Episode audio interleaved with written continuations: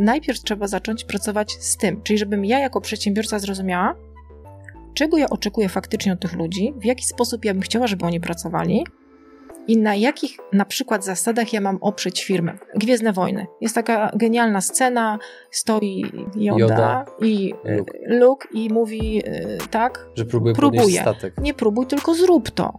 Mhm. Zobacz, zobacz, jak zmienia to percepcję. No, spróbuję to zrobić. No nie spróbuj, tylko Mhm. zrób. Od razu energia, która wychodzi w tym komunikacie jest całkowicie inna.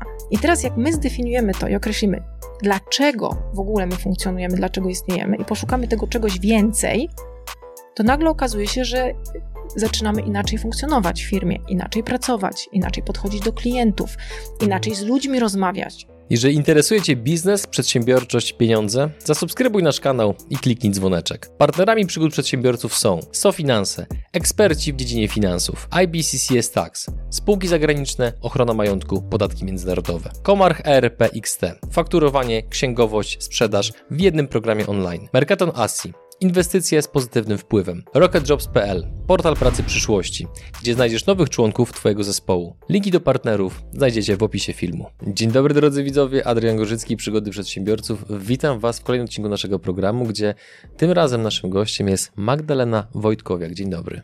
Dzień dobry Państwu. Słuchajcie, dzisiaj będziemy rozmawiali o jednym z moich ulub- ulubionych obszarów biznesu i szeroko rozumianych kompetencji, czyli kompetencje twarde. Nie żartuję, to nie jest mój ulubiony obszar, są to kompetencje miękkie, które z mojej perspektywy już w samym nazewnictwie powodują pewne deprecjonowanie w ogóle waloru i tego, tej, tego elementu biznesu, który jest szalenie istotny dla każdej firmy, natomiast w społeczeństwie mocno inżynieryjno-programistycznym, które tego typu ludzi traktuje wręcz trochę jak półbogów, przynajmniej z mojej perspektywy. Absolutnie nie uważam, że to jest coś złego, ale w mojej ocenie traktowanie humanistów czasami jako osoby gorszej kategorii jest absolutnie nieuczciwe i nie w porządku, tym bardziej, że oni potrafią wnieść kolosalną wartość do firmy.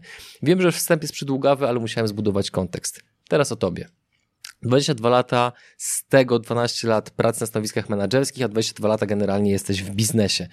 Pracowałeś jako handlowiec, jako szef sprzedaży. Od 10 lat masz własną firmę szkoleniową. Pracowałeś z takimi markami jak Santander, Tauron, Mercedes, Volvo. Przeszkoliłaś łącznie kilka tysięcy osób. Zgadza się.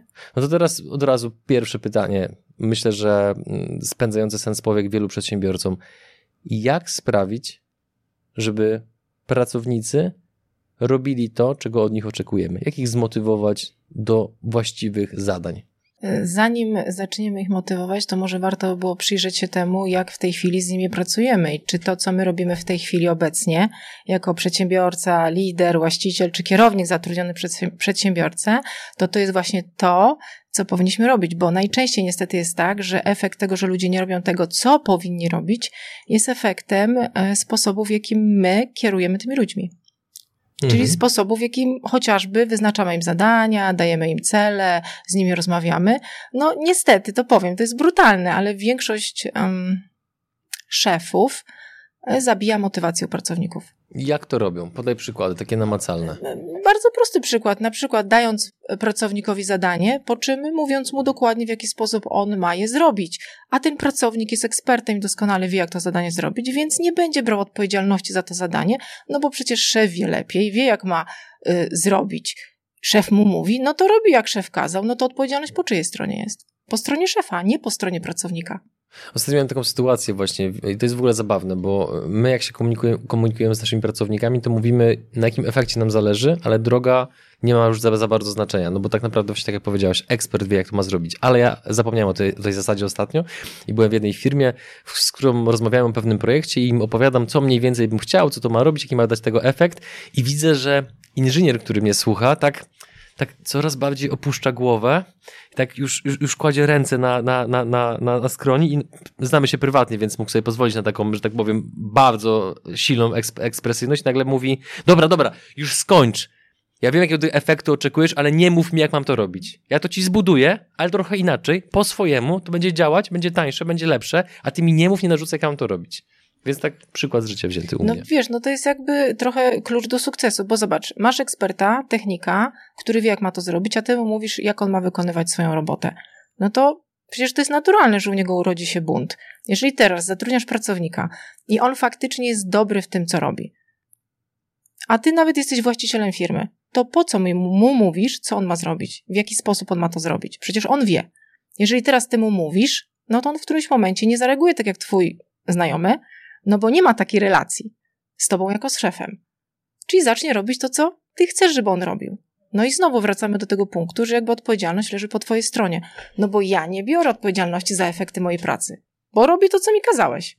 No, no dobra, za, załóżmy, zatrzymajmy się na chwilę. Załóżmy sytuację, w której taki pracownik, który ma takiego szefa, ogląda nasz odcinek i bije się w piersi mówi wypisz, wymaluj, to jest sytuacja u nas w zakładzie, w firmie, w fabryce. Jak taki pracownik w takim razie powinien porozmawiać ze swoim przełożonym, menadżerem, szefem, liderem, żeby dotarło do tego jego zwierzchnika, że ten sposób dawania zadań nie jest najbardziej wydajny? Wiesz co, to nie jest takie proste, dlatego że pamiętaj, że ty jesteś na poziomie tej hierarchii, jesteś pracownikiem. Więc po pierwsze musisz iść do swojego szefa i powiedzieć mu prosto z mostu, że on źle postępuje, w sensie źle kieruje tobą, źle ci przekazuje zadania, czy wolałbyś, żeby to było zrobione w inny sposób. No i no, nie jest to proste, jak jesteś ty pracownikiem, a masz z drugiej strony szefa, który jeszcze woli mówić i przekazywać ci zadania, krok po kroku mówiąc, co ty masz zrobić. Przykład, który podałeś ze swoim kolegą, e, z którym masz zbudowaną relację, jest przykładem takim, w którym kolega jest w stanie ci przekazać taką informację. Ale jeżeli ty jesteś pracownikiem i masz iść do swojego szefa i powiedzieć swojemu szefowi, że on to robi niewłaściwie i że cię demotywuje, a twój szef ci płaci, to zastanów się, czy ty jako pracownik masz na tyle odwagi i taką relację zbudowaną z nim, żeby to zrobić. Z mojego doświadczenia i pracy i z menadżerami, i właścicielami, i pracownikami, no to jest no, nierealne. Ten człowiek nie pójdzie i nie zwróci na to uwagi, dlatego że on się najnormalniej w świecie naraża w tym momencie. Bo zobacz, jeżeli masz szefa, który skupiony jest na tym, że on wie najlepiej, jak to ma być zrobione, jeżeli on jest skupiony na tym, że na przykład sam otworzył firmę, tą firmę budował od samego początku i teraz ta firma e, jest mm, jakby prowadzona przez kogoś innego, czyli przez inżyniera, technika, lidera, kierownika, ale to jest twoje dziecko, bo ty tą firmę zbudowałeś, no to ty wiesz najlepiej, jak w niej powinno być. I teraz ja jako twój pracownik mam ci przyjść i powiedzieć, że to jest niewłaściwa droga? To jest mało realne. W polskich firmach nierzeczywiste. Mhm. Nie widzisz żadnego sposobu, który pracownik taki właśnie uwzględniając hierarchię, całą tą skomplikowaność sytuacji, o której powiedziałaś, nie ma żadnego sposobu, gdzie pracownik mógłby spróbować bez ryzyka narażania się? E, oczywiście, że może próbować. I z reguły jest tak, że pracownicy, z którymi pracuję, oni próbują, idą, mówią, sugerują.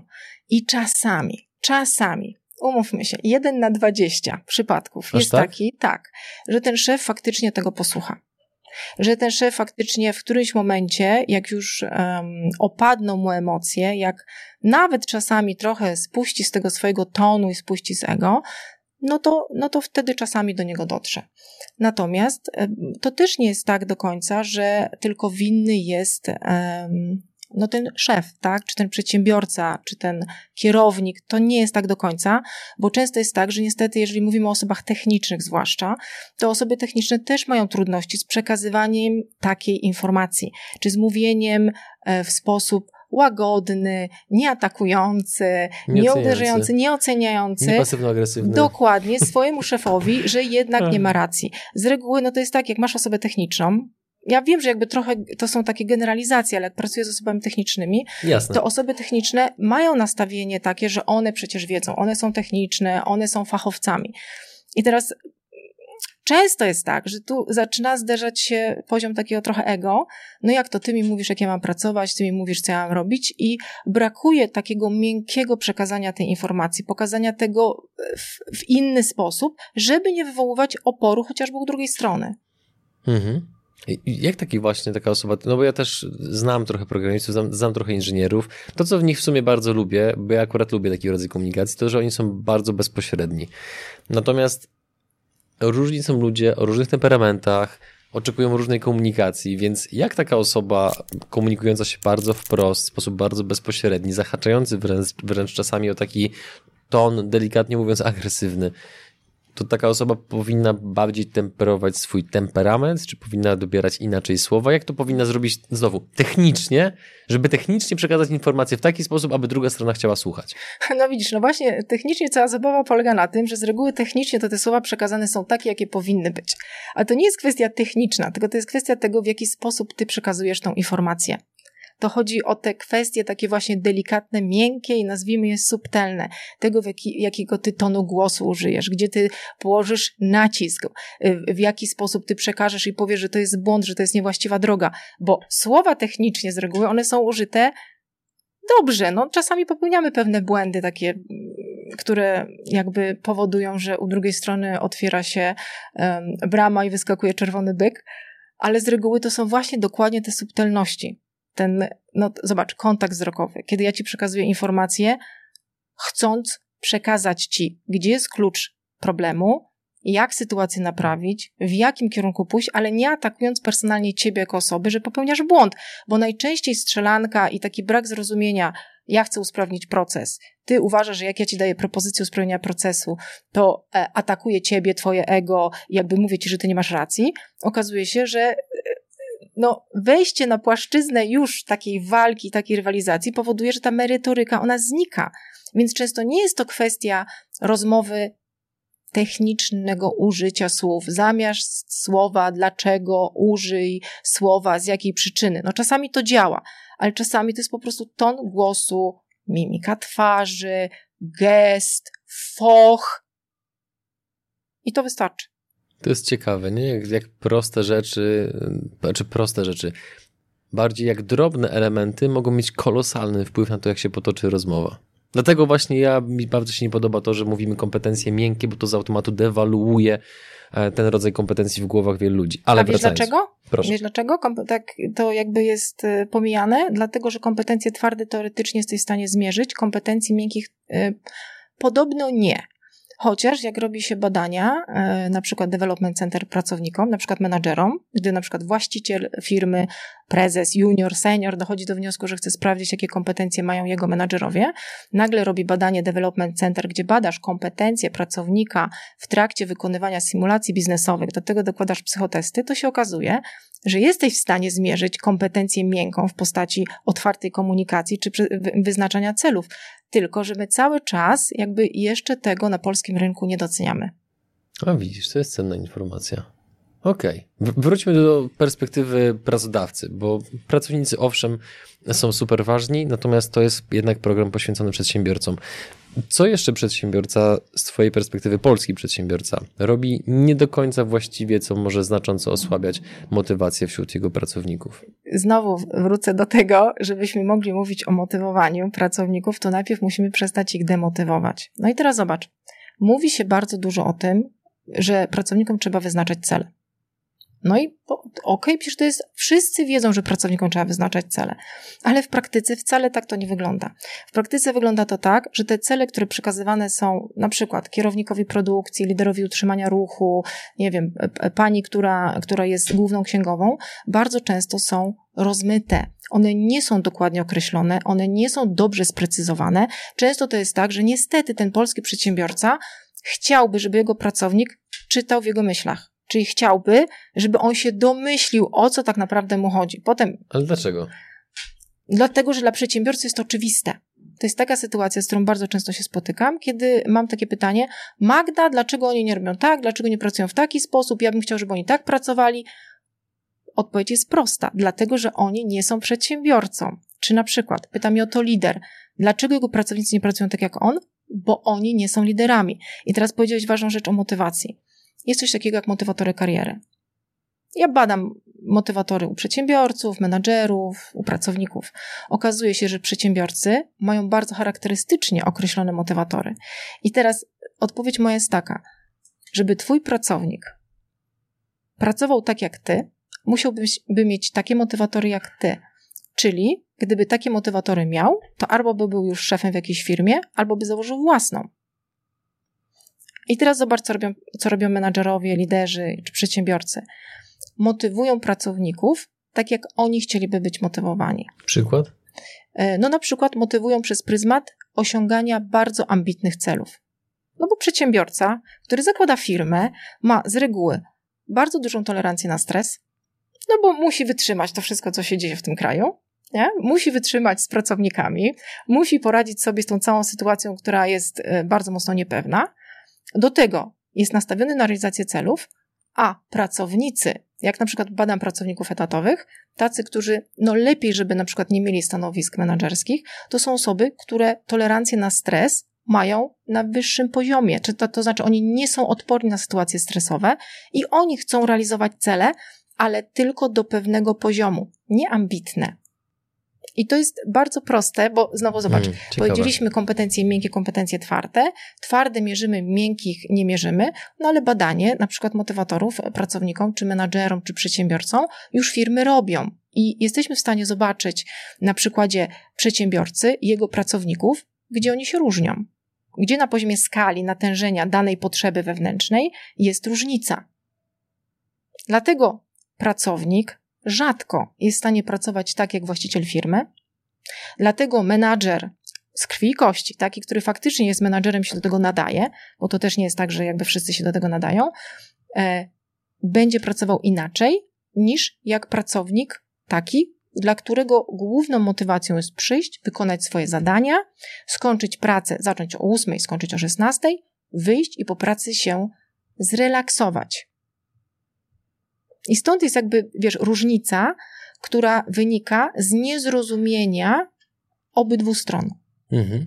A tak patrząc przez pryzmat Twoich doświadczeń, tych wszystkich badań, które robiłaś, to gdybyś miała tak na przykład wymienić trzy kluczowe i naj, najbardziej powtarzające się elementy, które motywują pracowników, to co to jest?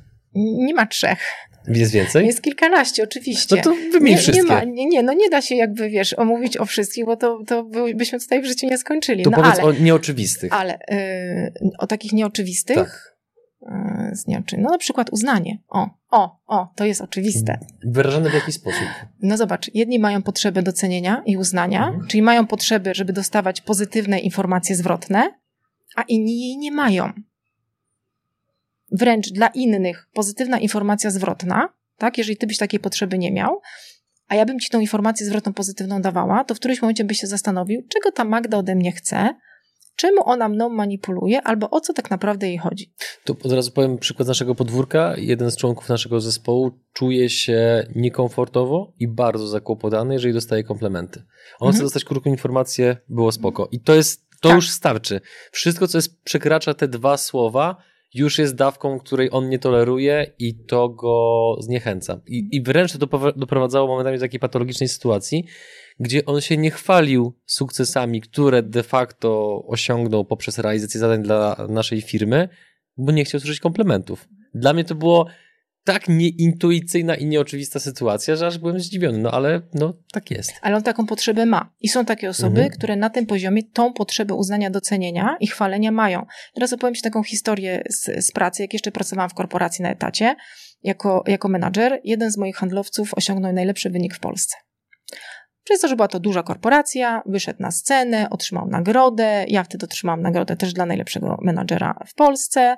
Zszedł ze sceny i powiedział do mnie tak: Magda, już nigdy więcej, nigdy więcej nie zrealizuję najlepszego wyniku w Polsce w sprzedaży, ponieważ ja już nie chcę stać tam na tej scenie i otrzymywać tych braw i otrzymywać tej nagrody. I wyobraź sobie, że przez następne dwa lata on był na czwartym miejscu. Świadomie żeby, sabotował swoje tak, działania. żeby nie wchodzić na scenę. I teraz to jest taki przykład, że są osoby takie, które nie mają takiej potrzeby. I teraz zobacz, pytałeś o przedsiębiorców. Co zrobić, żeby zmotywować? Dlaczego przedsiębiorcy demotywują? Dlatego, że nie znają i nie rozumieją potrzeb motywacyjnych ich pracowników. Ba, oni nie znają swoich. Bo jeżeli teraz ty jesteś przedsiębiorcą i ty nie masz potrzeby, żeby cię doceniano, nie masz potrzeby, żeby cię chwalono, fajnie jest na przykład jak handlowcy tak mają, że nie mają tej potrzeby. Oni wtedy wchodzą drzwiami, wychodzą oknem, wchodzą oknem, wychodzą drzwiami. Wiesz, jak, jak, jak mm. nimi klient pokieruje. Jeżeli ty jesteś takim menadżerem, a masz pracowników, którzy mają wysoką potrzebę uznania, ale ty jej nie masz, to ty im, tym pracownikom tej, tego uznania nie będziesz dawał. Czyli będą mieli deficyt tak naprawdę tak. w tym obszarze, co będzie ich frustrowało. Tak I demotywowało. Tak, i teraz zobacz, ty wcale nie musisz im dawać negatywnych informacji, ty wcale nie musisz ich krytykować. Wystarczy, że ty im nie będziesz dawał informacji pozytywnej. I teraz zobacz, to jest jakby napędza się pewne, pewnego rodzaju koło. Jeżeli teraz jesteś pracownikiem, który potrzebuje mieć dużo uznania, a ty go nie dostajesz, za to dostajesz nowy projekt, to wewnątrz masz obawę, taką wewnętrzną, że poniesiesz porażkę, że zostaniesz źle oceniony, bo masz deficyt pozytywnej informacji zwrotnej na swój temat. Więc co robisz z tym projektem? Odkładasz. Prokrastynujesz. Odkładasz na później. Nie bierzesz się za niego. Bierzesz się za wszystko, co jest prostsze, bo trudny projekt dla ciebie jest obarczony negatywną informacją zwrotną. Obarczony jest tym, że poniesiesz porażkę. Więc odkładasz. Mhm. Dobra, bo cały czas jesteśmy w, przy temacie demotywowania pracowników. Znaczy ja też, żeby było jasne, ja to troszeczkę upraszczam, ale to dlatego, że chcę mówić językiem naszych widzów i słuchaczy, którzy jednak nawet w rozmowach, kiedy, które na przykład prowadzimy z, z, z różnymi przedsiębiorcami, czy na eventach, czy na szkoleniach, czy nawet po prostu prywatnie, no to to słowo motywacja, motywowanie pada bardzo często. Więc czy jest coś jeszcze, co demotywuje pracowników, nim przejdziemy do takiej prawdziwej motywacji? Wiesz, no, myślę, że już tak trochę mówimy o tej prawdziwej motywacji, bo zeszliśmy tak, wiesz, no, w taki temat głęboki, mhm. jak wiesz, jak badanie motywatorów i badanie tego, okay. co ciebie motywuje, nie? Okay. No, no na przykład, wyobraź sobie taką sytuację, że jesteś liderem, no w jakimś zakładzie produkcyjnym, tak? No, masz pięć, pięciu pracowników pod sobą. No i, i, i twój szef, twój szef ma taką relację z tymi pracownikami, no bo on też ich zatrudniał, to jest jego firma, mm. że jego pracownik ten na niższym szczeblu jest w stanie przyjść do szefa i załatwić sobie u szefa temat, którego lider nie może załatwić. Pomijając hierarchię służbową. Tak, pomijając lidera, no bo przecież oni się dobrze znają. Szef chce być dobrym szefem, więc zgadza się na pewne rzeczy, a ten lider dopiero dowiaduje się o tym e, później. Kastruje autorytet. Lidera. Dokładnie, dokładnie. Wiesz, no takich elementów, które, no, ten, które demotywują na przykład liderów jest bardzo, bardzo dużo.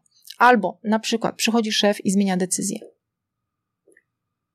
albo narzuca rozwiązanie swoje, mimo że na przykład zespół, zespół wypracował jakieś rozwiązanie, idą do celu pewną drogą.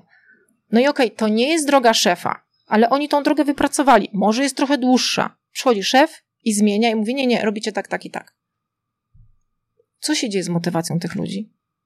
Gaśnie z automatu. Nie ma. Nie ma, po prostu. Po co się starać? No po co? No po co mamy pracować, wymyślać, skoro on tak i tak podejmie decyzję inną, nie? To teraz się zatrzymajmy, no bo zdarzają się sytuacje, że są menadżerowie, liderzy i oni coś postanowią, coś uzgodnią z zespołem, ale ty na przykład będąc nie tylko szefem, ale również ekspertem w tej konkretnej dziedzinie, bo nie, nie zawsze jest tak, że mając restaurację musisz się znać na gotowaniu, ale czasami się znasz.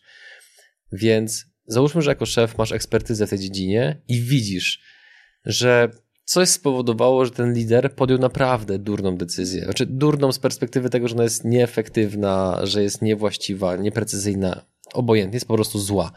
To co w takiej sytuacji przedsiębiorca powinien zrobić? Powinien świadomie patrzeć, jak zespół biegnie w kierunku klifu, czy może jakoś powinien miękko wkroczyć i sytuację uratować, jednocześnie nie podważając autorytetu, autorytetu lidera? Wiesz co, to wszystko zależy, nie? No bo wyobraź sobie sytuację taką, że ten lider który sobie wypracował ten model i chce, i idzie faktycznie w stronę jakby porażki, jest uparty, e, nie przyjmuje informacji zwrotnej od swojego szefa, czy w ogóle od innych, wymyślił sobie taką drogę i koniec. Jeżeli ja jestem przedsiębiorcą i mogę pozwolić sobie na to, żeby on się przewrócił, to czasami warto jest pozwolić mu się przewrócić, ale to się zdarza bardzo rzadko. Mogę również zrobić coś innego. Mogę w sposób łagodniejszy, niż taki wkraczający, wiesz, i, i, i tnący, nie tak, nie tak, nie tak, pokazać na przykład, stosując metody coachingowe, czyli komunikację mhm. coachingową, która wcale nie jest taka trudna, bo to są pytania otwarte, w pewien sposób charakterystyczny zadawane, która spowoduje, że ten lider najprawdopodobniej sam dojdzie do tego rozwiązania, że to nie jest dobry pomysł, ale to nie szef mu powie. Bo zobacz, bo to jest trochę odwrócenie takiej sytuacji.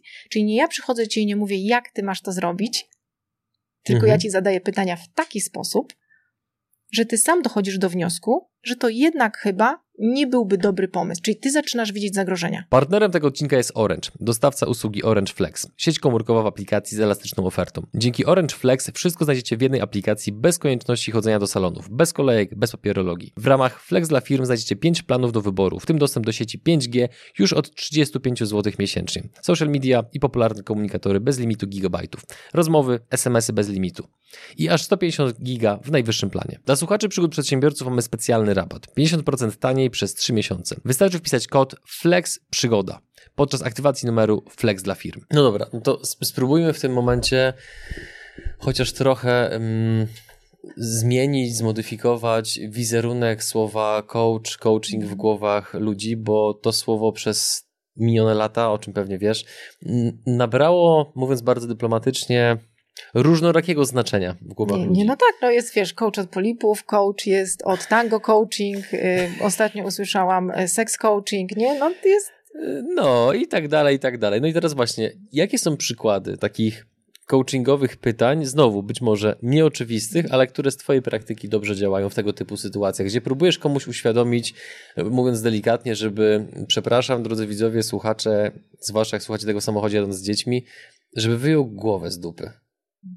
To jak się takie pytania zadaje? Tak coachingowo, To są miękko. oczywiste pytania, wiesz. To nie są pytania nieoczywiste. No to, to są bardzo po, po, proste da, pytania. Przykład. A wiesz, najtrudniej zadać proste pytanie, nie? Mhm. Jak myślisz, jak taką drogą pójdziesz, jaki będzie rezultat? No, będzie taki i taki. Mhm. A jak taki będzie rezultat, to na co on wpłynie? Z, moj, z mojej perspektywy na to i na to. Mhm. I co jeszcze oprócz tego może się wydarzyć? Ale złego czy dobrego? Jak ty to widzisz? No dobrego, no to wydaje mi się, że wiemy, no bo w tym kierunku idziemy, no a złego, no to być może to i Mhm. to. Mhm. A jak w taki sposób postąpisz, jak powiedziałeś, na przykład wymieniam to co, to, co zrobił, to osiągniesz taki rezultat, na którym ci zależy, czy jaki? Ciężko przewidzieć. Ciężko przewidzieć. A jakbyś miał przewidzieć, to co by to było? No widzisz, nie zastanawiałem się nad tym jeszcze w ten sposób, że może coś pójść nie tak. Nie że wiadomo, że teraz trochę odgrywam i ja też gram pod No ciebie, tak, tak? tak, to, to, tak. to, to jest jasne. E, natomiast jakby rozumiem, że taka jest moja interpretacja teraz tych pytań, że cały wątek nie zadajesz od razu pytania na zasadzie, dobra, słuchaj, co może pójść nie tak, nie? Bo dla mnie to jest oczywiste. No nie idziesz w taki sposób od razu do mety, tylko kroczek po kroczku prowadzisz kogoś do tego, żeby sobie uświadomił, że problem ma realną szansę wystąpić. Tak, albo nawet można to zrobić trochę bardziej bezpośrednio. No a jak tak zrobisz, to jak to wpłynie na Karolinę, która jest twoim współpracownikiem? A jak tak to zrobisz, to jak wpłynie to na tamten projekt? Aha, okej, czyli bardzo precyzyjnie nazwać i, i, i taki postawić reflektor na konkretny obszar, o którym ta osoba prawdopodobnie nie pomyślała, Tak. stąd zaproponowała to rozwiązanie. Tak, no bo zobacz, najczęściej jest tak, że tak, ty widzisz obszar większy, tak? Czyli ty Mhm. widzisz to z lotu ptaka. Jeżeli jesteś szefem, czy liderem, czy przedsiębiorcą, to ty widzisz to szerzej. Nie? I przypuśćmy, że na przykład ty pracujesz w dziale logistyki, tak? To, co chcesz wdrożyć w swoim zespole, albo jak chcesz zrealizować ten projekt, wpłynie na przykład na dział produkcji, nazwijmy to, tak? I teraz, jeżeli ja się ciebie, powiem ci bezpośrednio, że to, co chcesz zrobić, wpłynie negatywnie na produkcję tak, tak i tak i wpłynie na tego Iksińskiego, który tam pracuje, który jest kierownikiem, z którym ty jeszcze masz konflikt, no to przecież automatycznie u ciebie się mm, pojawi coś, co się nazywa oporem. Czy polaryzacja. Czyli co ja bym nie powiedziała, to ty będziesz stał po drugiej stronie i będziesz mi udowadniał, że tak nie jest. Mm. A jeżeli ja się ciebie zapytam, na przykład, to jeżeli to zrealizujesz w taki sposób, jak mówisz, to jak to wpłynie na ten drugi dział? Jaki, jaki rezultat będzie u nich? To taka to jest trochę incepcja, nie? że de facto pytaniami naprowadzamy na wnioski, do, na które Tak. chcemy, żeby ktoś wpadł. Tak, i Wtedy teraz, on to traktuje jako własne, moje, Tak, autorskie, mój wniosek. tak, to jest znaczy, wiesz, żebyśmy mieli też świadomość, my trochę ten coaching w tej chwili tutaj bardzo uprościliśmy Oczywiście. i sp- sprowadziliśmy go do takiego coachingu w miejscu pracy, bo to też jest różnica między coachingiem w miejscu pracy, a coachingiem coachingiem. Bo co- coachingu przez duże C, no w pracy ze swoim pracownikiem raczej nie poprowadzisz, no bo twój pracownik się przed tobą po prostu tak nie otworzy. Mhm. Więc wtedy potrzebujesz po prostu coacha zewnętrznego. Idąc dalej, bo z tego co mówisz, to wyłaniają się takie powiedzmy trzy linie. Pracownicy, bądź jak niektórzy mówią bardziej dyplomatycznie, współpracownicy, liderzy, menadżerowie oraz właściciel, właściciele. Porozmawialiśmy sporo o pracownikach, liderzy też się po drodze pojawili, natomiast chciałbym, żeby liderzy wybrzmieli trochę bardziej w naszej rozmowie, bo jakby nie patrzeć, wielu przedsiębiorców myśli o ułożeniu biznesu w taki sposób, aby w pewnym momencie mogli wyjechać do Hiszpanii, jak jeden z moich kolegów obecnie, na miesiąc. No i mimo to firma działa po prostu dobrze, bo już takie coś robił nieraz. Więc jak prawidłowo buduje się linię liderów, aby firma mogła działać de facto bez właściciela? Może zacznijmy od tego, jak jest to zbudowane w polskich firmach. Dobra, czas na stand-up. Prosimy. No, no bo zobacz, no, masz właściciela, który otworzył firmę 25 lat temu. Nie? Zatrudniał Zdziśka, Krzyśka, Adama, Mariole i tak dalej. Nie? Oni byli jego pierwszymi pracownikami. Oczywiście część odpadła, część została. W naturalny sposób byli awansowani, bo jak byli zatrudniani nowi pracownicy, nowi, mhm. nie, no to byli zatrudniani pod nich, no bo oni już coś wiedzieli. No bo jak nie? No, no, no oczywiście, nie? nie? Firma ma 20 lat, tak? I teraz kierownik, który pracuje w danym dziale, no ma to doświadczenie w firmie, w której pracuje. Zawsze w tej firmie się w taki sposób pracowało, nie? więc mhm. on pracuje tak, jak się pracowało. No niestety, większość, ale nie wszyscy, bo to powiedzmy sobie szczerze, są firmy, są przedsiębiorcy, którzy myślą o tym, że jeżeli ja awansuję pracownika, to ja go powinienem rozwijać. Ale większość niestety o tym nie myśli. Czyli pracownik szeregowy wyrósł razem z firmą do stanowiska lidera czy stanowiska kierowniczego bez kompetencji miękkich rozwiniętych. To znaczy, oni w swoim mniemaniu mają te kompetencje miękkie niesamowite, bo przecież 15-20 lat kierują zespołem. Magda, jest, przecież umiem dawać jest... feedback przez metodę kanapki. Wiesz, no metodę kanapki Sorry, można zepsuć, nie? Wiesz o co chodzi, nie? Można ją zrobić majstersztyka tak. z niej, ale można ją zrobić w taki sposób, że wiesz, że to jest jakaś masakra, nie? Jak, słuchaj, jak wiedzą, czym jest metoda kanapki, to to już jest naprawdę połowa sukcesu. Nie? Chleb posmarowany nożem. Tak. Mhm. Y, y, no, no i teraz zobacz, no, masz takich kierowników, masz takich liderów, nie? Czyli nie są szkoleni, nie myślą o rozwoju pracowników, nie są uczeni komunikacji miękkiej, e, nie są uczeni do końca wyznaczania mm, celów czy zadań. I to nie jest to, że jakby popełniłeś błąd jako, jako właściciel czy przedsiębiorca. Po prostu twoja firma się rozwijała, rozwijała i w którymś momencie nadchodzi ten moment, kiedy musisz zacząć tych ludzi szkolić, czyli musisz zacząć ich rozwijać w taki czy inny sposób. Wiesz, problem jest jeszcze krok do tyłu czy ty jako właściciel firmy i przedsiębiorca się rozwijasz i ty, czy ty robisz coś z tym, żeby doskonalić swoje umiejętności kierowania ludźmi. Bo jeżeli tego nie robisz, to mhm. nie wyjedziesz na te wakacje. No nie ma szans, dlatego że cały czas będziesz trzymał, wiesz, wszystkie sznurki u siebie i wszystkimi sznurkami będziesz, wiesz, poruszał, bo ten kierownik nie podejmie sam decyzji, bo ty musisz ostatecznie podjąć decyzję. Więc teraz zobacz, zapytałeś, jak to zrobić? Wyszkolić dobrych menadżerów. I teraz nie oznacza to to, że nagle zwalniasz tych, których masz, bo często niektórzy mają takie pomysły. Zwolniasz wszystkich, zatrudniesz z zewnątrz, nie? Ja za zawsze zadaję pytanie, jaką masz gwarancję, że ty, których zatrudnisz z zewnątrz, że oni będą na takim poziomie kompetencji, na, na jakim ty potrzebujesz i oczekujesz, żeby oni y, byli. Czyli mhm. to, co ja na przykład w firmach spotykam, to zaczynamy w którymś momencie brać się za tych liderów, menadżerów i to właśnie od nich zaczynamy, ich szkolić, ich rozwijać, im pokazywać, gdzie są błędy, które popełniają, po to, żeby mogli pracować w inny sposób, żeby najnormalniej w świecie przejęli odpowiedzialność. Bo ty pojedziesz na wakacje, czy wiesz, przedsiębiorca pojedzie na wakacje wtedy, kiedy jego menadżer, jego lider przejmie odpowiedzialność i będzie wiedział, co ma zrobić. Ale wiesz, to nie chodzi o takie wakacje, jak ja się często spotykam, że jedzie na wakacje z żoną na, i dziećmi na dwa tygodnie, tydzień siedzi na komputerze i pod telefonem odbiera maile, drugi tydzień już jest awantura po prostu rodzinna, totalna, wraca po dwóch tygodniach jeszcze bardziej zmęczony, jeszcze mówi, że w firmie jest po prostu tragedia, nie? No mhm. bo to najczęściej, no niestety tak się kończy, nie? Więc dobrze było, żeby ten e, właściciel i przedsiębiorca zaczął może trochę mm, od siebie. Mhm. No dobra, to jeżeli chcę zacząć od siebie, to jakie powinny być pierwsze kroki, które w ogóle podejmę? No bo obszar, o którym mówimy, z mojej perspektywy, on jest mimo wszystko tak rozległy, bo to nie jest tylko i wyłącznie kwestia dawania feedbacku czy motywowania. No kompetencje miękkie to jest, to jest y, ocean różnych aspektów w funkcjonowaniu człowieka i przedsiębiorstwa. Więc gdzie taki przedsiębiorca, który dotychczas raczej do komunikacji używał bata, i chce go nagle odłożyć, bo dostał jakiegoś objawienia, oglądając przygody przedsiębiorców, e, odłożyć tego bata i chce zacząć to zmieniać. Od czego powinien zacząć? Wiesz, co ja zawsze robię na początku? Proszę, żeby napisał, jakie są oczekiwania tego przedsiębiorcy w stosunku do jego menadżerów. Czy tych, tych liderów. żeby on napisał, jakie on ma oczekiwania w stosunku co do nich. Mają pracować, a nie się obijać. To, to, nie, to nie jest to. to. To w ogóle nie zadziała, nie? To nie tędy droga. To mhm. będzie siedział w tej firmie i po prostu nie będzie z tej firmy mógł wyjść, będzie przychodzić w soboty, będzie pracował 12 godzin. Teraz zobacz drugi krok. Pójść do liderów, czy do kierowników, czy do menadżerów, jak oni się tam nie nazywają, i poprosić ich, żeby oni napisali, jakie oczekiwania ma względem nich firma, czyli szef. Mhm. I zobacz, następuje zestawienie. Jakie ja mam oczekiwania względem tych pracowników, jakie oni uważają, że ja mam względem nich oczekiwania. I to się pewnie rozjeżdża bardzo mocno. Totalnie. Często to się totalnie rozjeżdża.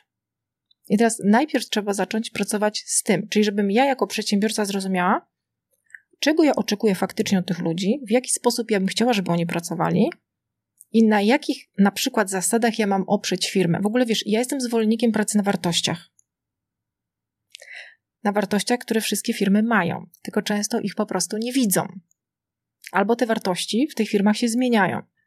Więc na przykład zacząć pracę na wartościach od tego, żeby określić, jakie są wartości w firmie, potem określić zasady, odpowiedzialność, kto jest za co odpowiedzialny, czego ja oczekuję od danej osoby, a dopiero przejść potem do kompetencji, jakie ja powinnam rozwijać u siebie, jako u szefa, ale również u moich pracowników, przechodząc przez ten proces krok po kroku, jestem w stanie tak zbudować firmę, mhm. że nie tylko na miesiąc jestem w stanie pojechać na wakacje, ale na pół roku.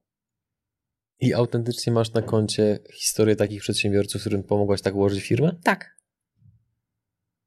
Hmm. To jest trudny proces. Ale wart swojej ceny. Czasami jest tak, że niektórzy chcą się trzy razy wycofać. Dlaczego? No bo tak wiesz, bardzo no, musisz pracować. ich światem? Nie, musisz pracować też ty jako szef. Ty musisz pracować jako szef. Ty musisz zderzyć się z tym, że twój lider ci przyjdzie i powie, że nie, że to jest bez sensu, że przecież robiliśmy tak do tej pory. Bo zobacz, to jest zmiana. Pracujesz na zmianie. Na zmianie umiejętności swoich osobistych. Czyli na przykład dostajesz informację, że e, to jak wyznaczasz cele, to, to nie jest wyznaczanie celów. To jest zrzut. Zrzuciłeś na pracownika zadanie, czyli oddelegowałeś, co nastąpiło zrzutem na pracownika, który nie posiada kompetencji, żeby to zrobić.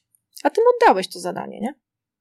To jak się właściwie wyznacza cele? Przechodząc do kolejnego szalenie ciekawego i ważnego obszaru kompetencji miękkich. Ojej, no wiesz, to, to nie wiem, wiesz, czy tak wyznaczenie celów to jest miękkie. Dla mnie to wyznaczenie celów jest twarde, no bo zobacz, no ja określam czego od ciebie oczekuję, jaki ma być rezultat, kiedy on ma ten rezultat być osiągnięty. Wiesz co, bardziej pytam w kontekście tego, że po prostu ta kwestia jest bardzo często się przewija w książkach do, dotyczących szeroko rozumianego rozwoju osobistego. A dla przykładu znakomita książka Atomowe nawyki Jamesa Cleara bardzo wyraźnie podkreśla, że przynajmniej z perspektywy badań naukowych prowadzonych w tym obszarze, dużo bardziej efektywne jest budowanie systemów, które pozwalają ci wydajnie realizować zadania, a niekoniecznie wyznaczanie celów typu milion złotych, utrata kilogramów czy kupno nowego auta. Mhm.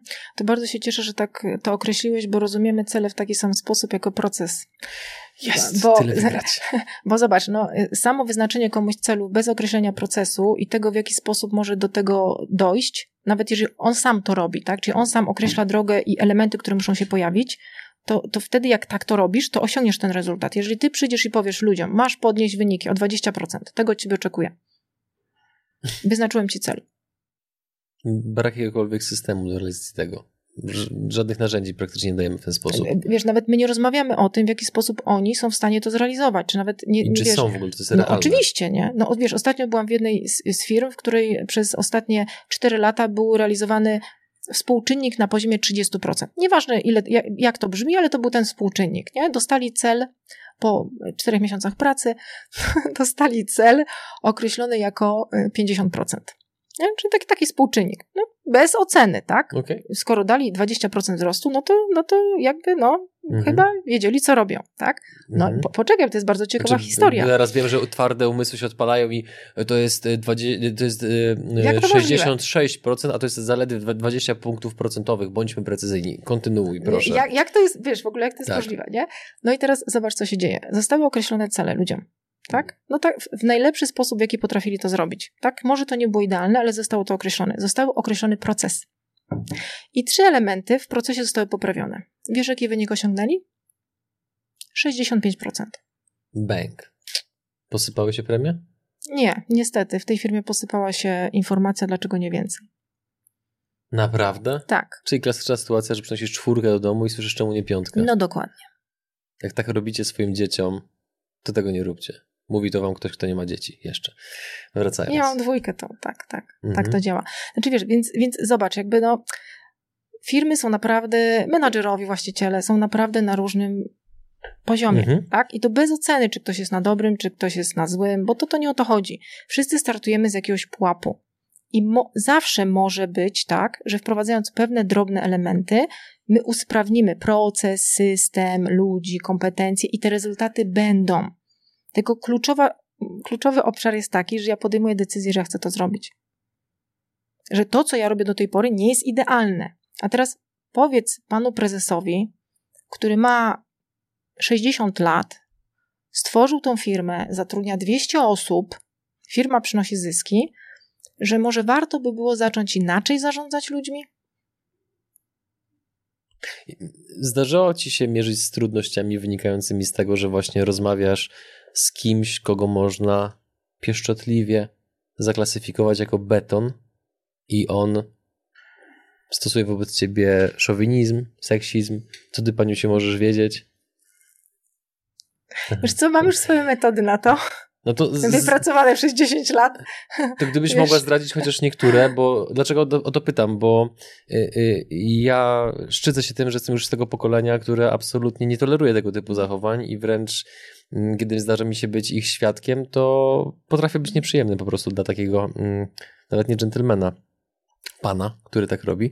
Natomiast widzę, że wciąż wiele kobiet y, inteligentnych, pracowitych, ambitnych, no jest troszeczkę zakłopotanych takimi sytuacjami i nie zawsze potrafią powiedzieć coś, co pójdzie w pięty takiemu panu, co, że, że się ogarnie, że to już nie jest em, XX wiek, tylko XXI i takie rzeczy po prostu nie przystoją. Wiesz co, ja nie wiem, czy jestem dobrym przykładem. Wiesz, ja swoją karierę zaczynałam jako przedstawiciel handlowy. Przemoc rozwiązuje wszystkie problemy. Nie, absolutnie nie. Właśnie Okej. tu trzeba być bardzo delikatnym. Wiesz, Mhm. ja pracowałam głównie z samymi facetami, nie? więc jakby przez lata przerobiłam to. Nawet, wiesz, pracując w jednej korporacji byłam ja jedyną kobietą i siedmiu regionalnych menadżerów, nie? Więc jakby przeszłam y, różne stany. Mhm. Natomiast powiem Ci, jaka jest dla mnie najtrudniejsza sytuacja. Jak w tej chwili na przykład przyjeżdżam do firmy. To jest, gdzie mam prezesa seniora, który jest w sędziwym wieku, który zbudował tą firmę. Jak, jak to nazwałeś? Beton? Mhm. Mhm. Potem jest prezes junior, który coś chce zrobić w tej firmie, trochę inaczej postrzega tą rzeczywistość. I jeszcze wchodzi y, wiceprezes junior junior albo żona prezesa. Brzmi pięknie. Co wtedy? No y, wiesz, no jakby y, y, robota zaczyna się od samego początku. Pytanie, kto ma potrzebę? Bo najczęściej prezes junior, czyli ten, który przejmuje firmę, nie? czyli sukcesja. On ma potrzebę, tak? Więc jakby najpierw przekonanie pana seniora do siebie, no, jakoś, nie wiem, urok osobisty, merytoryka, Mhm. zrozumienie, empatia. e, Jest to do zrobienia. A potem praca na poszczególnych elementach, czyli poszczególnych szczeblach ka- z każdą osobą, z każdą, łącznie z żoną prezesa. Który z tych, która osób z tej układanki jest przeważnie najtrudniejsza? Nie ma czegoś takiego, ale opowiem, opowiem Ci taką historię. Proszę, lubimy Siedzę, siedzę z jednym właścicielem i on opowiada mi o trudnym pracowniku. I mówi, że ma takiego trudnego pracownika i on w ogóle nie słucha, jest powolny i opowiada mi o nim. On, ja mu daję jedną, jeden przykład, co może zrobić, drugi przykład i w taki sposób, że może z nim postąpić i wszystko po prostu Na tacy mu nic nie działa. Nic, okej. nic. Po pół godziny ja mówię, nie no, poddaję się, mówię. I pytam się, to dlaczego pan tego pracownika nie zwolni? Bo to jest moja żona. A tak myślałem, że rodzina. Okej. Mhm. No i teraz właśnie, zostańmy na chwilę przy kwestiach rodzinnych w firmach, bo e, bardzo często spotykam się z sytuacjami, tak a propos to w ogóle rozmawialiśmy jakiś czas temu z jednym przedsiębiorcą, który ma kancelarię zajmującą się sukcesją. I tak właśnie zahaczaliśmy trochę o podobne tematy dotyczące takich e, aspektów relacji między właśnie tutaj nestorem rodu, juniorami i tak dalej. E, I juniorzy niejednokrotnie mają dobre pomysły, mają świeże spojrzenie, czują innowacje, rozumieją technologię, widzą, że coś można usprawnić, zrobić szybciej. Oczywistością jest na przykład dla nich to, że w danej branży aplikacja to jest w ogóle must have, żeby taką zaprojektować, ale tej aplikacji z jakiegoś powodu nie ma. Więc gdybyś mogła takim osobom, które właśnie e, e, stoją w takiej sytuacji, gdzie mają bardzo silnego ojca czy mamę na czele firmy, która, czy który cały czas w nich widzi tego synka czy córeczkę, której zmieniali pieluchę wiele lat temu, a nagle ta córka czy syn próbuje po prostu forsować pewne pomysły w firmie, żeby ją usprawnić, no i spotyka się ze wspomnianym już betonem. Co wtedy? Jak do tego powinno się podejść z perspektywy tej młodej osoby? Hmm. Znaczy wiesz, forsowanie to nie jest dobrym pomysłem, nie? Bo pamiętaj, że zobacz, osoba starsza, tak? No bo ten, ten mhm. właściciel to jest osoba starsza. To są z reguły osoby, które już nie chcą zmian. Dla, dla których najlepiej jakby zostało status quo. Przecież jakby to wszystko działa, to wszystko idzie, to wszystko idzie do przodu, nie? I teraz im bo ja to widzę na co dzień. Im częściej ten junior czy ta juniorka wchodzi w taką interakcję, taką właśnie, wiesz, jakby parcia, e, udowadniania, zwłaszcza przy innych, pokazywania, że można by zrobić inaczej, to po prostu jest coraz większy opór z tej drugiej strony. No, e, jakby to, co powiem, jest może trochę brutalne, nie? No, ale to trzeba zrobić mm, używając trochę technik wywierania wpływu, żeby nie nazwać tego, wiesz, manipulowaniem, w sposób łagodniejszy, w sposób bardziej wysublimowany, nie na forum firmy, nie poruszać tematów, kiedy siedzi 12 pracowników i nie udowadniać ojcu, że się nie zna i nie chodzić, nie opowiadać, wiesz, dookoła, że po prostu nic nie mogę zrobić, no bo on jakby cały czas mi wiąże ręce. To, Czyli co... mentalnie wejść trochę w rolę takiego lobbysty, który nie działa w świetle reflektorów na oczach miliona świadków, tylko raczej subtelnie stara się sprawić, żeby pewne rzeczy się wydarzyły. Kropla drąży skałę. Przecież zobacz, jeżeli y, ten ojciec czy ta matka stworzyli, zbudowali tą firmę, to jest ich dziecko. I trzeba to zrozumieć, że jakby to jest ingerencja w ich nie chcę nazwać własność, ale coś, w co oni stworzyli, wiesz, włożyli serce, wiesz, pot, krew, płacz często, tak? I to oni to zbudowali. I teraz temu właścicielowi firmy jest bardzo ciężko rozstać się z tą firmą. I teraz im bardziej um, ten młody człowiek, czasami nie młody, ma 40 parę lat, wchodzi, wiesz, z, z, impetem, bo on widzi, że można, im bardziej naciska, tym z drugiej strony niestety jest y, coraz większy opór. I, i to jest taką, taką trudnością. Warto jest wtedy, i to naprawdę, mówię teraz z pełną odpowiedzialnością, wziąć kogoś z zewnątrz kogoś, kto pomoże pokazać, kto przeprowadzi przez ten proces, kogoś, kto pokaże, że warto, y, konsultacje, kogoś wziąć do konsultacji, pokazać ale w taki sposób, żeby zadbać o to, że ten właściciel firmy, który ją stworzył, że on cały czas w tej firmie jest. Bo ja czasami, to się rzadko zdarza, ale się zdarza, spotykam um, młode osoby, które przyjmują firmę i oni najchętniej to by chcieli po prostu tego ojca czy tą mamę wywalić po prostu w ogóle z firmy, żeby, tak, żeby ich nie było. Nie? I dziwią się, że następuje jakby opór. duży opór. Nie? I nawet dochodzi czasami do takiej sytuacji, którą mam u jednego klienta, że właściciel, który ma no, ponad 50 udziałów, postanowił ją sprzedać. A nie przekazać. Aż tak. Aż tak. Jak dzieci to przyjęły? Bunt. I pewnie rozłam w rodzinie trochę samo życie. No tylko wiesz, no pytanie, czy o to chodzi, nie? Mhm. Czy nie można by było wcześniej zrobić pewnych kroków, żeby jakby do tego nie doszło, nie? Mhm. Ale też są takie firmy, takie firmy, w których znam prezesów, seniorów, którzy w tych firmach są, bo zajmują się pewną częścią, natomiast junior, czyli prezes już teraz taki, nazwijmy to, ten mianowany, właściwy, przejął odpowiedzialność, przejął obowiązki, zajmuje się tą firmą, ale szanując to, że ten senior w tej firmie, e, w tej firmie jest i wprowadza innowacje. I często słyszę, Magda, ja to załatwię przy obiedzie. Jakiś czas temu słyszałem o historii właśnie a propos trudnych, to jest mało powiedziane, trudnych relacji na linii rodzice-dzieci. Będziemy o tym odcinek prawdopodobnie na naszym kanale, gdzie e, można stwierdzić z perspektywy dokumentów prawnych, które już są, śledztwa, które się toczy, że dzieci próbowały w sposób trwały pozbawić ojca zdrowia poprzez chociażby to, że mm, została sfałszowana dokumentacja medyczna, gdzie miał on zostać poddany operacji, bardzo inwazyjnej operacji, na dolegliwość, której w ogóle nie miał.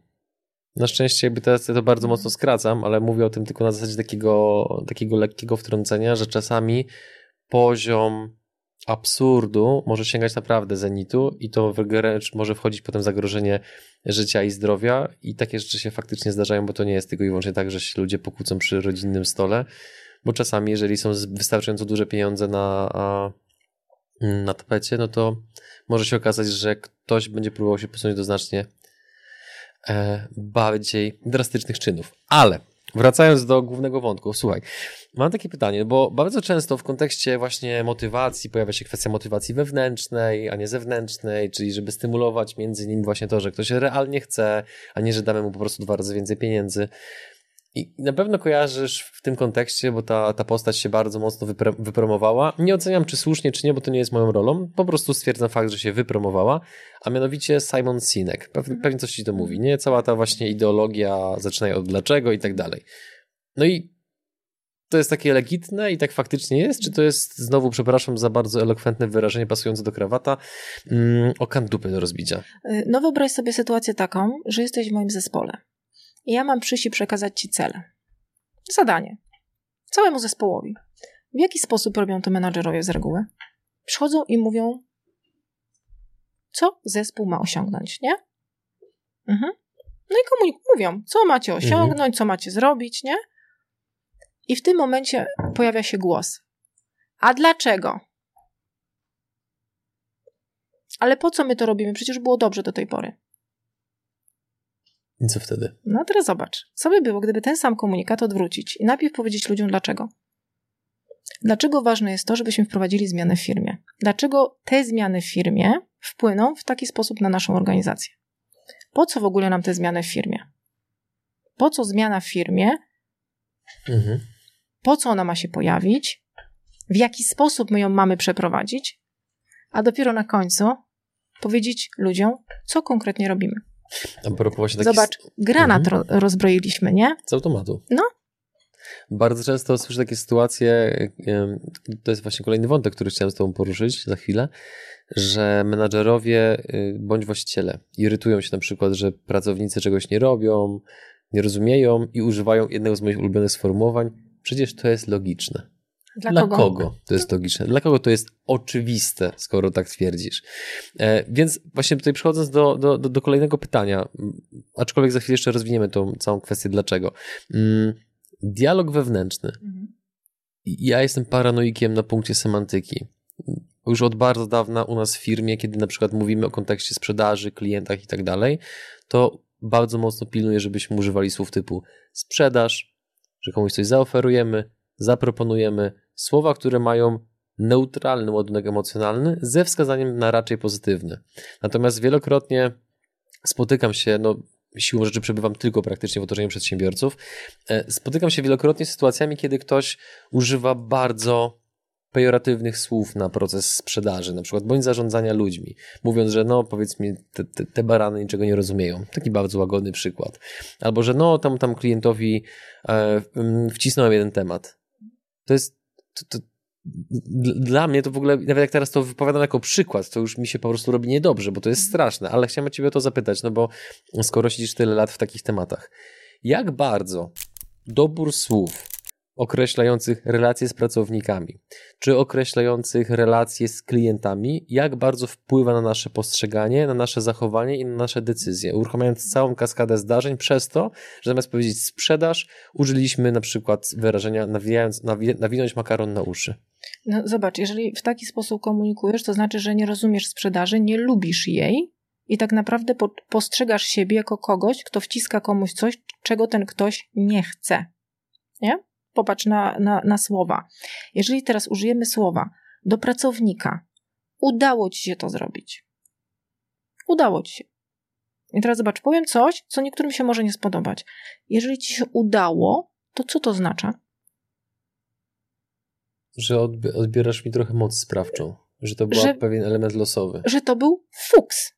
Nie? Czyli y, technika, której nauczył mnie mój klient, jak zaczynałam swoją karierę, technika na dwa uda.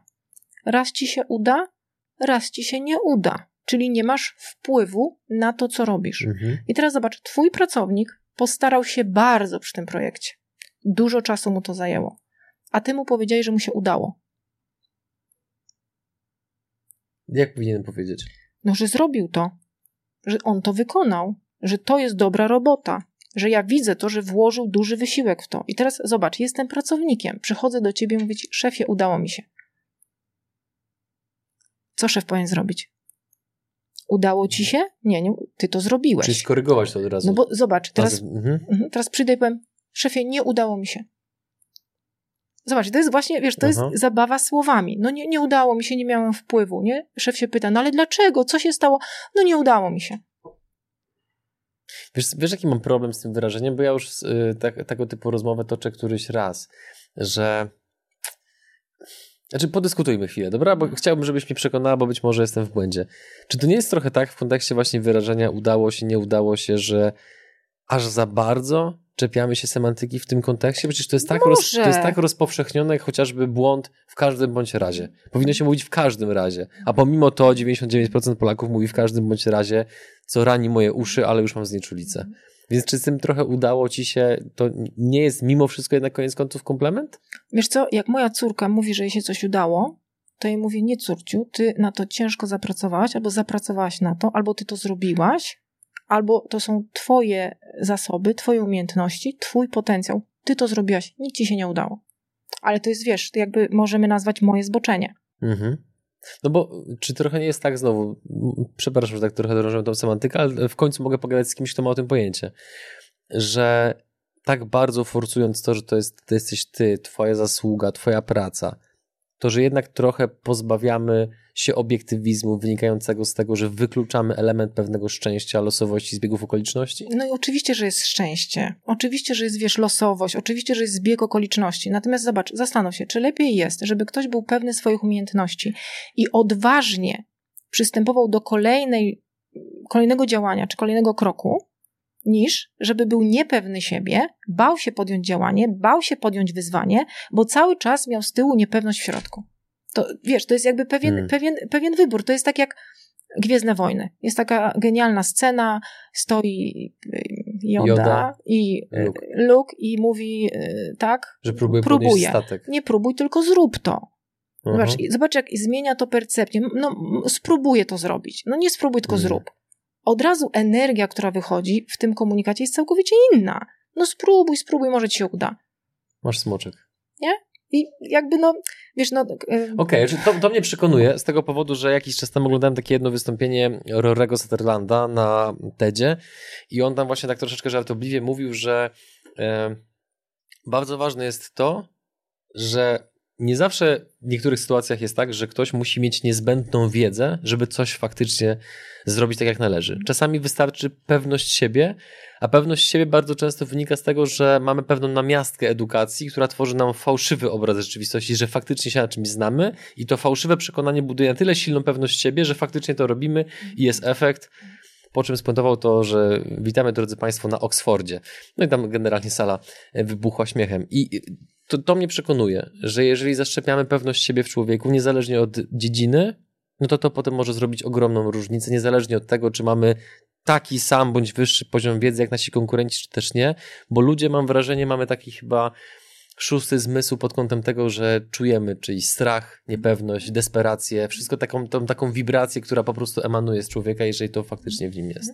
Co, to, co powiedziałeś, jest bardzo ważne, bo zobacz, ja spotykam bardzo dużo ludzi, którzy wiedzą bardzo dużo, którzy mają bardzo dużo wiedzy teoretycznej, tylko w praktyce jej nie wykorzystują. Ostatnio miałam taki przypadek, że przyjechał do mnie przedsiębiorca z Irlandii i mówi do mnie, że miał przez 6 miesięcy zatrudnionego fachowca i te, tego fachowca musiał zwolnić. Ja się go pytam, no okej, skąd tego fachowca wziąłeś? Tego eksperta, który miał budować ten, ten rynek? Z uczelni, bo był jego nauczycielem. Ja zadam, aha, a czy kiedykolwiek był menadżerem? Czy kiedykolwiek zrobił to? Czy tylko teoretyzował? Zobacz, Z drugiej strony problem jest e, taki, że bardzo dużo osób popada w pułapkę perfekcjonizmu. Za mało wiem, za mało się przygotowałam, za mało, y, niewystarczająco, jeszcze nie potrafię tego i nie robią, i czekają, i nie robią. I zwlekają, zwlekają, zwlekają, i to nigdy nie nadchodzi. A jest taka metoda od mojego klienta też podpowiedziana. Niektórzy się nią posługują, bo wiem, że już wyszła na rynek. Pal, popraw pal. rób, poprawiaj, rób. Rób tymi narzędziami, które masz dostępne. Jak będą efekty, przyjdą narzędzia, ale rób.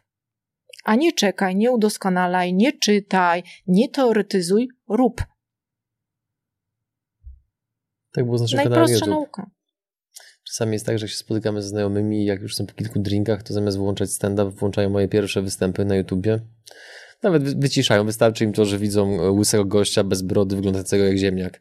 No to dokładnie właśnie to miałem w głowie, że po prostu zacząć robić, a potem w czasie nabierzemy kompetencji pewnej wprawy, żeby za jakiś czas wyglądać mniej przypałowo po prostu.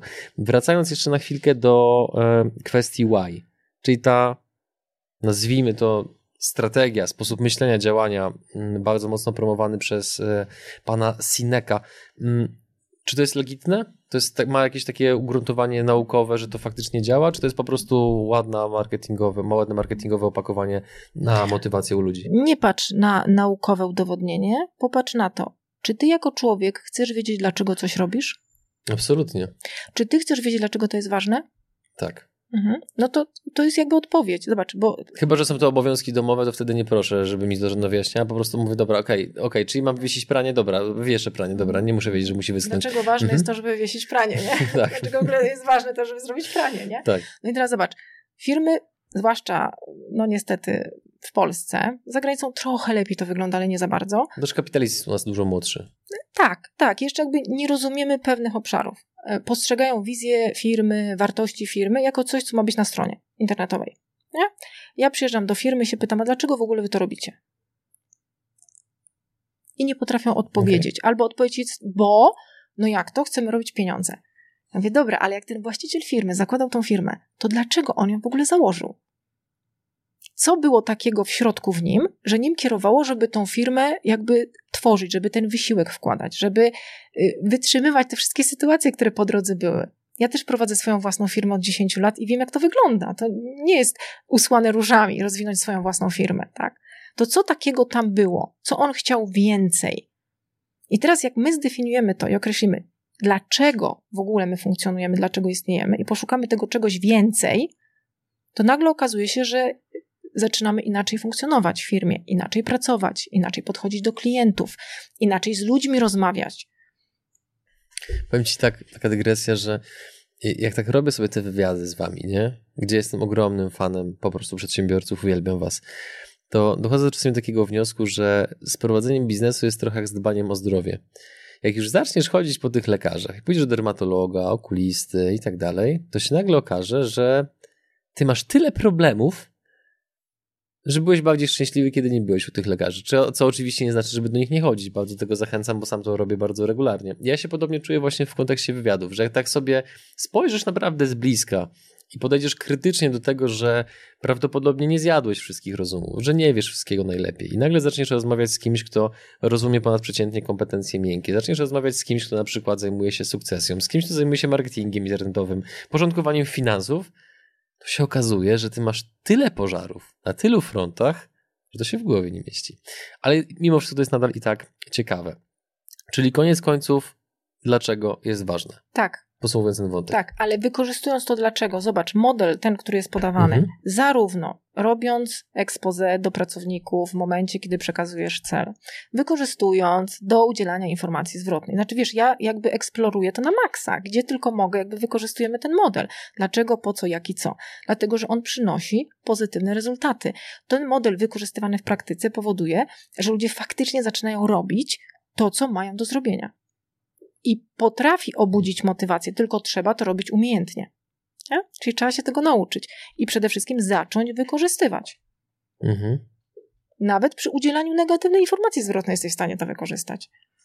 Jak właśnie przekazać informację zwrotną, negatywną, w sposób taki, żeby to było budujące i wartościowe dla pracownika, a nie żeby on musiał kupować sobie małpkę na, wieczór, na wieczór, żeby to w ogóle dźwignąć? E, w taki sposób, że robisz to w oparciu przede wszystkim o fakty, a nie o swoje interpretacje. Robisz to w sposób nieoceniający personalnie tej osoby. Tylko sytuację. Tylko sytuację Zdarzenie. i zachowanie, które zawsze możesz zmienić, zawsze ten pracownik może zmienić hmm. i w taki sposób, żeby tego człowieka nie upokorzyć. I przede wszystkim, przede wszystkim dając ją na bieżąco. Bo wiesz, co robią ludzie, nie? Kumuluję, kumuluję, gromadzę, gromadzę, gromadzę, gromadzę. Jak już nie wytrzymam, to teraz wyrzucę na ciebie wszystko, co mi nie pasuje, co ty robisz. I w tym momencie jakby, no jak ten drugi człowiek jest w stanie to udźwignąć? Nie? Jak się dowiaduje o czymś sprzed sześciu miesięcy. No nie jest w stanie tego udźwignąć. Więc nie zmotywujesz go do działania. Na bieżąco, w oparciu o fakty. A jaki model sobie do tego wybierzesz, to już. Mhm. Raz opowiedziano mi taką historię. Mój znajomy był na spotkaniu z takim, powiedzmy, prezesem firmy starszej daty. No i w pewnym momencie stuk puk do drzwi. Prezes mówi, żeby wejść. Wchodzi pracownik, taki widać trochę przestraszony, trochę wycofany. Ten mój znajomy musiał chwilę poczekać w dalszej części gabinetu. Ten prezes mówi, no tam o co chodzi, zapraszam tutaj. No i ten pracownik mówi tam, szefie, no bo ja tutaj e, przyszedłem w sprawie, to rozmawialiśmy jakiś czas temu, że tam samochód w leasingu by się przydał, żebym tam lepiej mm, swoje obowiązki wykonywał.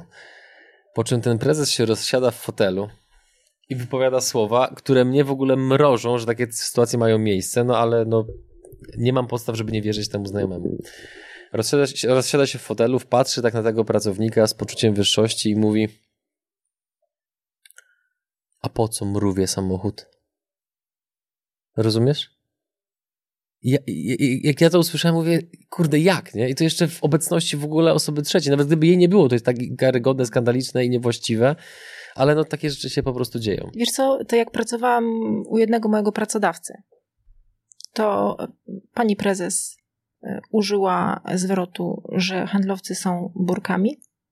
Kim? Burkami. Burkami? Burkami, czyli psami. Burk, okay. Taki burek. Aha. I ten burek ma zapie, tak? Mhm. I realizować cele.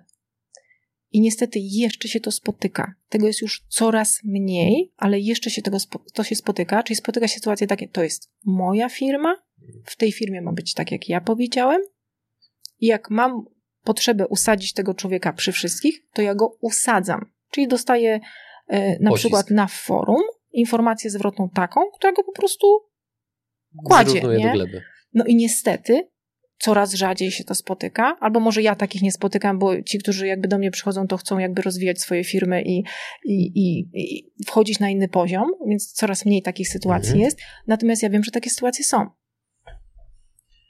No właśnie, więc oby takich sytuacji było jak najmniej, a żeby było jak najmniej, to tacy ludzie jak ty muszą nieść kaganek oświaty w tego typu obszarach, więc y, Magdo, dziękuję ci bardzo za rozmowę i korzystając jeszcze z tego, że jeszcze jesteśmy na antenie, proszę powiedz naszym widzom, kogo obecnie poszukujesz, na jakie współprace jesteś otwarta, tak żeby maksymalnie i tobie, i naszym widzom ułatwić potencjalne połączenie między wami. Mhm.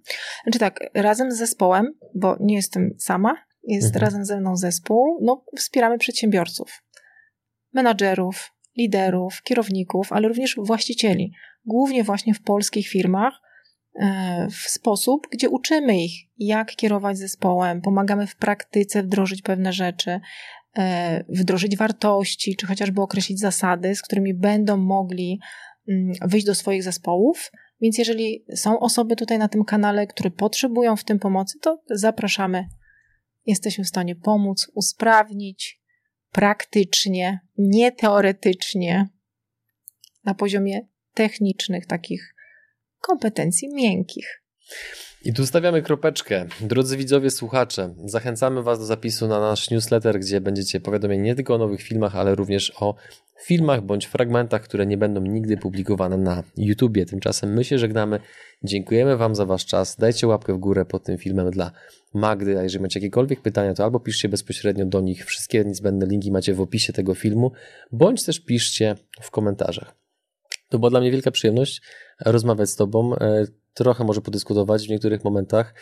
E, cieszę się, że robisz to, co robisz, bo uważam, że robisz potwornie pożyteczną rzecz dla polskiego biznesu, który mam wrażenie w wielu obszarach jest nadal bardzo mocno Excelowy, bardzo mocno techniczny, a często ta nawet szczypta kompetencji miękkich może powodować gigantyczne różnice w budowaniu przewag konkurencyjnych, czy to w kontekście konkurencji, czy to w kontekście tego, że po prostu mamy dużo bardziej sprzyjające środowisko pracy dla pracowników. Więc y, ja się podczas rozmowy z Tobą bawiłem świetnie. Mam nadzieję, że Ty też jakoś zniosłaś moje towarzystwo. Ja również dziękuję bardzo, dziękuję Państwu.